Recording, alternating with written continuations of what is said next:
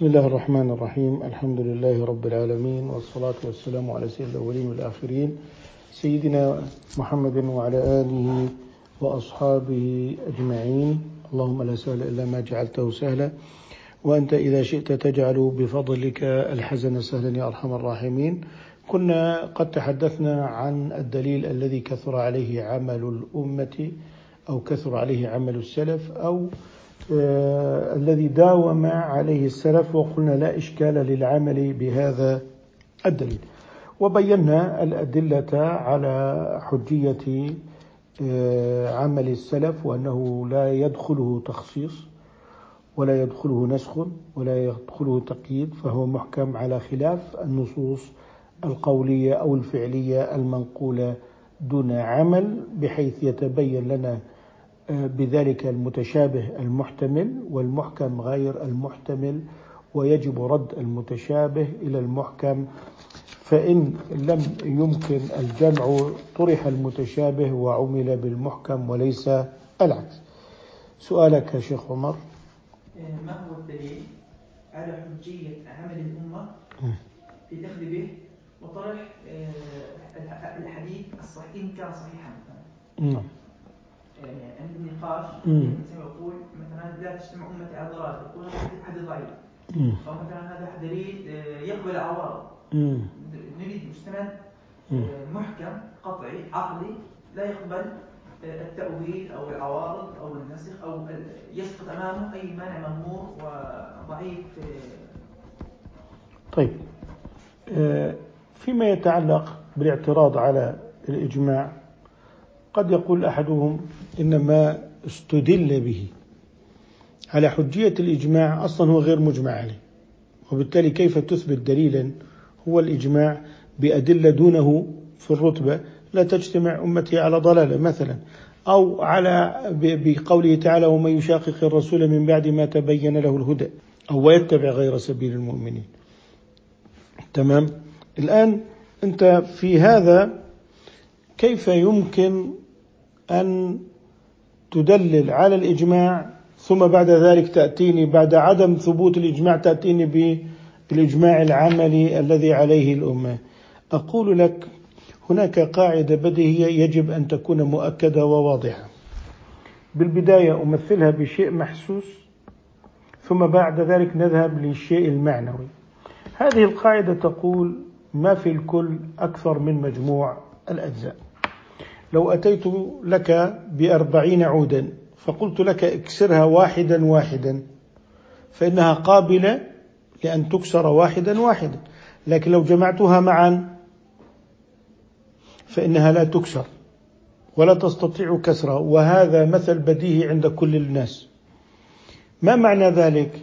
أن في اجتماع مجموع أدلة عصمة الأمة ما ليس في كل دليل بعينه. بمعنى. بمعنى أننا عندما نريد أن نتحدث عن الأدلة هناك بديهيات. هذه مسلمات البشر. أنني عندما أقول لك إن ما في الكل أكثر من مجموع الأجزاء لن يختلف في ذلك اثنان ولن تتناطح فيه عن زان. يعني هذه سيارة فكها إلى قطعها وأجزائها فإن هذه الأجزاء لن تمكنك من الركوب والذهاب إلى حيث تريد. إلا بعد أن تجمع هذه الأجزاء. إذا القاعدة ما في الكل أكثر مما في مجموع الأجزاء. وطبق ذلك على الإنسان وعلى الطائرة وعلى كل شيء ستجد أنها قاعدة صحيحة وهو أن ما في الكل أكثر من مجموع الأجزاء. فإذا جاءك قوله تعالى ومن يشاقق الرسول من بعد ما تبين له الهدى ويتبع غير سبيل المؤمنين نوله ما تولى. طيب وجاءك لا تجتمع أمتي على ضلالة. وجاءك عمل السلف بأنه لا تجوز مخالفة المؤمنين في أقوالهم الدينية.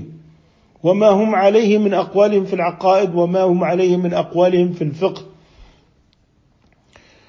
وجاءك أيضا من أدلة النصوص الشرعية ما هو مؤكد على أن الأمة محفوظة. طيب في قوله تعالى إنا نحن نزلنا الذكر وإنا له لحافظون. طيب ما غاية حفظ القرآن؟ أن تحفظ الأمة. أن تبقى حجية الدعوة إلى قيام الساعة. فإذا هذه الأمة انحرفت كما انحرف من قبلها من الأمم سقطت حجة الله على الخلق لعدم وجود الحجة عليهم. إذا عالمية الرسالة المجمع عليها يدل على أن هذه الأمة ستبقى قائمة لله بالحجة إلى أن يرث الله الأرض ومن عليها. إذا عالمية الرسالة تقتضي حفظ الأمة لبقاء الحجة. زوال الحجة يعني انتهاء عهد الرسالة. واضح؟ ولا تكون الحجة إلا في القطعيات وهي الإجماعات طيب ما دليل هذه الآية على حفظ اللغة؟ حفظ اللغة لحفظ القرآن. طيب هل يفهم القرآن من غير السنة؟ إذا لزم من ذلك حفظ السنة.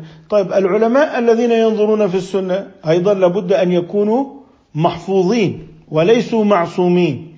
لأننا نحن نقول إن العصمة للأمة وليست للآئمة كما يخالفنا فيه الشيعة. فالعصمة للأمة لا للآئمة. فوضح لنا أن بهذه الأدلة مجتمعة أن هذه الأمة معصومة. طيب إذا كان القول محتملا والفعل محتملا لابد أن يكون هناك بيان. فأين يكون البيان في العمل؟ فإن العمل رافع لاحتمال القيد ورافع لاحتمال التخصيص ورافع لاحتمال النسخ ومزيل لكل شبهة. لذلك قلنا إن السنة هي في مجموع القول والتقرير والفعل وليس الفعل منقسما في واد والقول في واد آخر بل القول في الصلاة يبين لنا أحكام هذا واجب أم ليست بواجبة بينما الفعل يبينه الرسول صلى الله عليه وسلم بالهيئة. فاجتمع في هذه الصلاة الفعل والقول. وبالتالي النظر إلى العمل على أنه حجة محكمة وترد إليها المتشابهات على اعتبار أن العمل لا يطرأ عليه نسخ. لا يمكن أن يعملوا بشيء منسوخ. يعني عمل الصحابة رضي الله عنهم بصلاة الجنازة وعملوا بالطلاق وعملوا بالزواج فالآن هذا عملهم محكم. الآن ستأتي في الطلاق بالثلاث هكذا عملوا. الآن هل يجوز لنا أن نأتي بوجه في الدليل وننقض به عمل الصحابة من عهد عمر أنه أجراه عليهم ثلاثا؟ فهل يخالفون ما كان على عهد رسول الله صلى الله عليه وسلم؟ لا يخالفون. إذا المسلم أنهم لا يخالفون ما كان عليه رسول الله صلى الله عليه وسلم ولكن الذي يأتي من الخلف فينظر في الأقوال فيعيد بدلا من أن يرد احتمال الأقوال إلى عمل الصحابة فيتأول المحكم وهو العمل ويتبع المتشابه في هذا الأمر. فيريد صلاة جنازة بسبع تكبيرات أو يريد أن يهرب إلى مذاهب غير متبوعة منقطعة كمذهب الظاهرية أو إلى من هم خارج آه، مثلا هذه الأمة في عملها أو من لا يعتقد حتى بحجية الإجماع. ولكن هناك إشكال في موضوع النظر في الأدلة الكلية. لذلك نحن هنا قررنا أن الدليل الشرعي هو دليل كلي قطعي محكم وترد إليه الأدلة الظنية الجزئية لأن الأمة معصومة في مجموعها يعني إذا الأمة قالت في مذاهبها المتبوعة متفقة على أنه لا يمس المصحف إلا بطهارة. الآن ستذهب وتؤول الآية لا يمسه إلا المطهرون. فهل وجه الدليل ينقض عمل الأمة؟ هل وجه في القول ينقض عمل الأمة؟ وهذا هو الذي يحدث في مجتمعاتنا. أنك تأتي إلى قضية معمول بها وهي محكمة ثم بعد ذلك يأتي إلى وجه في الدليل. مثل على سبيل المثال الأمة عملها وهذه مذاهبها تشهد لها على أنه مع أذان الصبح لا طعام ولا شراب. الآن جاءني حديث يقول على سبيل المثال إذا سمع أحدكم النداء والإناء على يده فلا يضعه حتى يقضي حاجته منه. هذا يحتمل أذان الصبح ويحتمل الأذان الأول ويحتمل أذان المغرب أنك إذا سمعت الأذان المغرب فلا تنتظر انتهاءه بل اشرب لأنه خلص قد حان الوقت. فيأتي بوجه في الدليل ويحتمل أذان الصبح فيأتي إلى هذا الوجه المتشابه ويهدم عمل الأمة ويهدم محكماتها ويهدم الإجماع. يعني الصم والامتناع من طلوع عن المفطرات من طلوع الصبح إلى غروب الشمس هذا مجمع عليه. لأن يأتي بوجه في الدليل فيرد به المحكمات ويغبر وجوه العامة بمثل هذا. وذلك لأنه لم يميز أولا أين المحكمات من المتشابهات. فيأتي إلى وجه في الدليل ويأتي إلى تفسير لإمام هنا أو إلى تفسير هناك ثم يهدم بذلك محكمات العمل ومحكمات الإجماعات التي عليها عمل الأمة. وهذا يعني نموذج للمثقف الديني المعاصر الذي لم يحصر أدلته كما تراه هنا مع الإمام الشاطبي في بيانه الأدلة. ونحن نقول هنا تكاثر الظواهر في رتبات النص. لا تجتمع أمتي على ضلالة. ومن يشاقق الرسول من بعد ما تبين له الهدى ويتبع غير سبيل المؤمنين. إنا نحن نزلنا الذكر وإنا له لحافظون. عمل السلف عمل من بعدهم عمل الأمة فإذا هذه مجتمعة مجتمعة لم تكن هي المحكمات فأين هي المحكمات؟ يعني كما ذكرت لك هنا استدلال بالبديهيات فيما يتعلق بماذا؟ في أنه ما في الكل أكثر مما في مجموع الأجزاء. هذا لا يختلف فيه اثنان من البشر.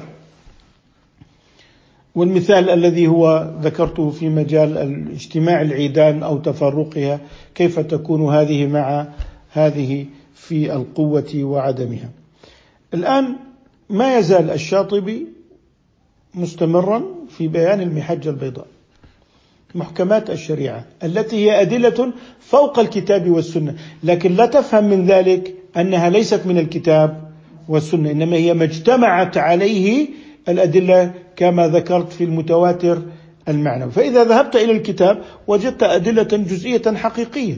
طب إذا ذهبت إلى الكتاب أنت لم تجد قوانين اللغة في الكتاب كما ذكرنا. واضح؟ فيقول رحمه الله تعالى والثاني أن لا يقع العمل به إلا قليلا. يعني عندي دليل وقع العمل به قليلا. أو في وقت من الأوقات أو حال من الأحوال ووقع إيثار غيره. يعني وجدت عمل قليل على دليل. تمام؟ وأكثر العمل على خلاف الدليل. أنا لا أتكلم عن أكثر العمل الجمهور جمهور كرة القدم أو الجمهور الذي بين يدي الساعة. أنا أتكلم عن عمل السلف الذين إذا تركوا العمل بقول أو بدليل إنما تركوه لمعنى شرعي ولدليل شرعي راجح على هذا الدليل. اذا ووقع إيثار غيره والعمل به أي بذلك الغير والعمل بذلك الغير كان دائما اكثريا والعمل به دائما أو اكثريا. فذلك الغير الذي هو العمل على خلاف القول هو السنة المتبعة والطريق السابلة. إذا نظر إلى الدليل المروي ثم نظر إلى العمل. فإن وجد أن أكثر العمل على خلاف هذا الدليل فاعلم أن العمل على خلاف هذا الدليل هو الطريق السابلة وهو السنة المتبعة. وأما ما لم يقع لم يقع العمل عليه إلا قليلا فيجب التثبت فيه وفي العمل على وفقه. انظر إلى هذه النظرة الكلية إلى الدليل. لا ينظر إلى الدليل بعين عوراء. هنا ثم يضرب عن بقية الأدلة. بل لابد أن يعين المتشابه ولابد أن يتثبت من المحكم ليرد المتشابه إلى المحكم. قال فيجب التثبت فيه وفي العمل على وفقه والمثابرة على ما هو الأعم الأكثر. والمثابرة على ما هو الأعم الأكثر. قال فإن إدامة الأولين ويتكلم عن السلف أئمة الاجتهاد والنظر كالصحابة رضي الله عنهم ومن فيهم أبو بكر وعمر وعثمان وعلي رضي الله عن الجميع. فإن إدامة الأولين للعمل على مخالفة هذا الأقل إما أن يكون لمعنى شرعي أو لغير معنى شرعي. يعني أنهم تركوا العمل به تركا أكثريا قد يكون لسبب شرعي أو لغير سبب شرعي. قال وباطل أن يكون لغير معنى شرعي. هل يتركون سنة النبي؟ انظر إلى هذه الثقة بالسلف. ثقة. تامة أن هؤلاء القوم عندما يتركون العمل بدليل فإنما يلاحظون دليلا أقوى غفل عنه العامة ولكن علمه العلماء. غفل عنه من يتتبع الروايات كما يتتبع دراسة الآثار. لا يميز بين راجح ومرجوح وكلي وجزئي قال فإن إدامة الأولين للعمل على مخالفة هذا الأقل إما أن يكون لمعنى شرعي أو لغير معنى شرعي وباطل أن يكون لغير معنى شرعي. الثقة التامة بالسلف. لا أن يأتي ويقول ليسوا معصومين. آه، هل هم أحصوا السنة كلها؟ هل هم كذا؟ لا. أو لم يبلغه الدليل؟ لا هذه السفسطائية الدينية المعاصرة غير موجودة عند أئمة الاجتهاد. عندما واظبوا على العمل على خلاف على خلاف دليل فإنما هو لمقتض شرعي راجح على ذلك الدليل الذي لم يكثر عليه العمل. إذا قال فلا بد أن يكون لمعنى شرعي تحروا العمل به. إذا هناك معنى شرعي راجح على الدليل الذي قل عليه العمل. قال وإذا كان كذلك بمعنى أنهم تحروا لدليل شرعي راجح على القول الذي قل عليه العمل. فقد صار العمل على وفق القليل كالمعارض للمعنى الذي تحروا العمل على وفقه. اذا فيكون العمل الذي كثر أرجح من العمل الذي قل فهو الترجيح بكثرة العمل. لماذا؟ لأننا نحن هنا في ميدان الترجيح بالأدلة. لسنا في ميدان هذا صح أو غير؟ صحيح. إنما هو نظر باعتبار معاني الشريعة. وعليه لما قرر في درس الأحكام أن ما كثر عليه العمل يتغلظ حكمه. فقد يتغلظ من المندوب إلى الواجب بكثرة العمل ومن المكروه إلى الحرام بكثرة العمل. فلما كانت كثرة العمل دليلا فإن الترجيح هنا يكون بكثرة العمل على قلة العمل. وقال في المراقي وكثرة الدليل والرواية مرجحات لدى ذوي الدراية. اذا فهذا يقتضي أن في الرواية ما فيه ترجيح في العمل على ما هو أكثر الأكثر عملا راجح على ما هو أقل عملا. طيب والمحدثون عندما يقولون في آه، الشذوذ في الرواية أنه ثقة خالف الثقات. صحيح؟ طيب إذا أخذوا بالكثرة ولكن الكثرة هنا علمية وليست كثرة الرأي التي هي من أعمال الرأي العام. إذا هي مستندة إلى علوم وإلى قواعد وبالتالي نحن هنا لسنا في مجال الديمقراطية والتغليب بالأكثرية بل هنا مرجح لمعنى شرعي المرجح لمعنى؟ شرعي إذا هذا هو الذي يؤكده هنا أنه كان راجحا لوجود معنى شرعيا تحروا موافقة العمل الذي خالف ذلك الدليل الذي قال أو الذي قل عليه العمل ثم قال وأيضا فإن فرض أن هذا المنقول الذي قل العمل به مع ما كثر العمل به يقتضيان التخيير. احدهم يقول لك طب ما قل العمل عليه اذا عمل به بعض السلف. فهذا يقتضي التخيير بينه وبين ما كثر عليه عمل السلف فيصبحان على درجة سواء كالمباح. قال فعملهم إذا حقق النظر فيه لا يقتضي مطلق التخيير. بل اقتضى أن ما داوموا عليه هو الأولى في الجملة هو الأولى في الجملة. وإن كان العمل الواقع على وفق الآخر لا حرج فيه.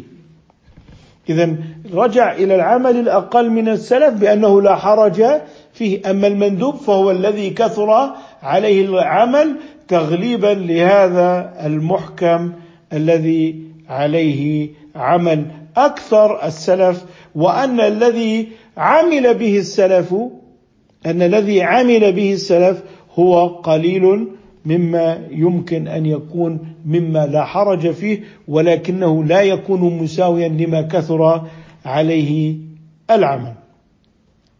قال وإن كان العمل الواقع على وفق الآخر وهو الذي قل عليه العمل لا حرج فيه كما تقول في المباح مع المندوب فالمباح استوى طرفه في الفعل والترك. أما المندوب فجانب الفعل فيه راجح على جانب الترك وإن لم يكن آثما في فعل المباح مع وجود المندوب. إذا سيجعل ما قل عليه العمل نسبة إلى ما كثر عليه العمل كالمباح والمندوب. فالمباح هو ما قل عليه العمل وما كثر عليه العمل هو المندوب. قال إن وضعهما بحسب فعل المكلف يشبه المخير فيه إذ لا حرج في ترك المندوب على الجملة. ها شوف على الجملة أنه يعني أن يترك مندوبا لكن إذا اتفقوا على تركه فهذا فيه تفصيل آخر. فصار المكلف كالمخير فيهما لكنه في الحقيقة ليس كذلك بل المندوب أولى أن يعمل به من المباح في الجملة فكذلك ما نحن فيه. ما نحن فيه وهو إيه؟ ما نحن فيه وهو ما يبينه من الترجيح بكثرة العمل. إذا ما كثر عليه العمل يكون راجحا على ما قل عليه العمل ونعتبر ما قل عليه العمل كالمباح وما كثر عليه العمل كالمندوب. إذا هذا نخلص منه إلى عدم السفسطائية في الأقوال الدينية. أن هذا أخذ بقول ابن عباس في المتعة وهذا أخذ بقول ابن عمر في سجدة التلاوة بلا وضوء على فرض أنه كان يعمل به وليس مجرد رواية بل عنه رواية أخرى عنه رواية أخرى أنه كان يتوضأ لسجدة التلاوة وعمل الأمة عند السفسطائية الدينية لا يساوي ترجيحا بين الروايتين. فيكفي أن يرجح أحدهما قولا وأن يذهب به كل مذهب بصرف النظر عن عمل الأمة المحكم.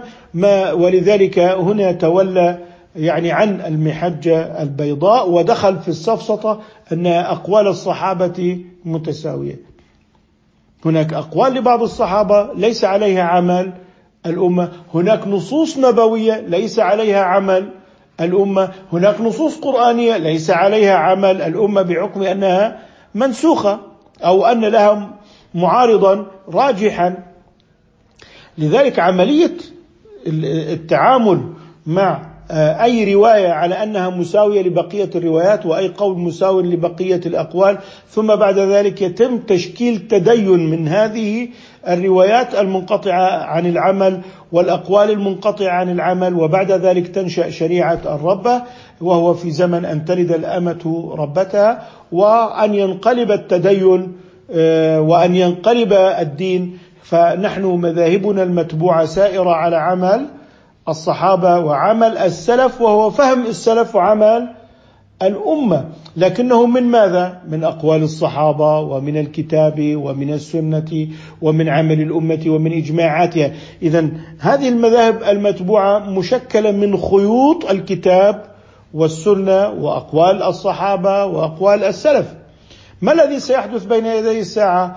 ستتشكل شريعة جديدة من نفس خيوط الأمة التي هي التدين الأصل في المذاهب المتبوعة إلى أن تنسل هذه الخيوط من جديد ثم يولد منها آه، وهم التدين. الزيف المقدس يظن أنه على صلاة وليس على صلاة ويذهب إلى بلاد بعيدة ويدرس فيها ويجمع ويقصر بحجة فعل ابن عمر رضي الله تعالى عنه في أذربيجان. مع أن ابن عمر هو أساس وجذع مذهب الإمام مالك والإمام مالك يبين أن هذا خاص بالجيش الذي لا يعلم متى يرتحل. لأن الأصل أن الصلاة كانت على المؤمنين كتابا موقوتا هذا هو الأصل لقوله تعالى إن الصلاة كانت على المؤمنين كتابا موقوتا. إذا هناك فرق. إذا كيف فهم المعاصر أو فهم الخوارج لهذا وكيف يكون فهم الأمة آه، بعملها لهذا؟ ومذهب الخوارج أن مدة الجمع والقصر هذه مفتوحة. فانظر إلى مشابهة الخوارج في مثل هذه الأقوال ومفارقة الجماعة. ومع ذلك ممكن أحدهم أن يأتي على قول آه، لم يكونوا يرون شيئا تركه كفر إلا الصلاة. طب الأمة هذه الأمة لا تساوي, لا تساوي عنده شيئا. طب عمل الأمة قضاء الأمة كيف قضت الأمة؟ كيف عملت؟ كيف ورثت تاركي الصلاة؟ كيف الأمة آه، أبقت أنكحتهم ولم تفسخها؟ كيف الأمة لا يوجد عندها مقابر لتاركي الصلاة؟ فبالتالي هو تمسك بوجه الدليل في جزئه وضرب الأمة كاملة لكنه عندما يأتيك يأتيك بمتشابهات الكتاب والسنة ويغبر بها وجوه العامة ويتوهم الناس أن هذه الربة التي هي الشريعة المزيفة هي نفس الشريعة الأصل وأن الناس قد عادوا إلى المنابع الأصيلة بهذا الوهم الذي ضرب عمل السلف ضربة يعني قوية وأقصى منهجيا العمل المتبوع في المذاهب المتبوعة وأصبحنا مع الأسف الشديد أن محكمات الدين أصبحت متشابهات والمتشابهات أصبحت لديهم محكمات وأصبحت الظنيات قاطعات والقطعيات ظنيات وهذا من تبدل الدين بين يدي الساعة. بل إننا نرى أن الصحابة أو التابعين ومن تبعهم بإحسان أنهم عملوا بالقول الضعيف لموافقته عمل الأمة. فليس العمل هو عمل هو عمل بالضعيف. لا هو لأنه جاء موافقا لعمل الأمة. وتركوا العمل الحديث العمل بالحديث الصحيح إن خالف عمل الأمة. فأين هي المحجة البيضاء إذن؟ في عمل الأمة. في عمل الأمة. والواقع الآن يحاكي الجميع طريقة عمل الشيوخ المعاصرين في عادة النظر في نصوص الكتاب والسنة. وبعد ذلك يعني تتأول الإجماعات وإدخال التأويل حتى على قطعيات الدين وأن المسلم صار كافرا والكافر صار مسلما بما إلى ذلك والنجاة وكل يسرد آه، متشابهه في هذا الباب ويغبرون العامة وجوه العامة بمثل هذه المتشابهات. إذا عندما عملنا بكثرة الدليل آه، أو بكثرة العمل لمعنى شرعي وليس من باب الديمقراطية وهي الحكم للأكثرية. لا هذه مستندة إلى قضايا علمية. فمن هنا نجد أن آه، الصحابة رضي الله تعالى عنهم في هذا الباب قاموا بحماية الشريعة وتبعهم في ذلك السلف في هذا الموضوع. إذا هذا ما يبينه الإمام الشاطبي في هذه المسألة ونسأل الله سبحانه وتعالى أن يوفقنا لخير ما فيه. رضاه سبحانه وتعالى. نكتفي بهذا القدر إن شاء الله. سبحانك اللهم وبحمدك نشهد أن لا إله إلا أنت نستغفرك ونتوب إليك.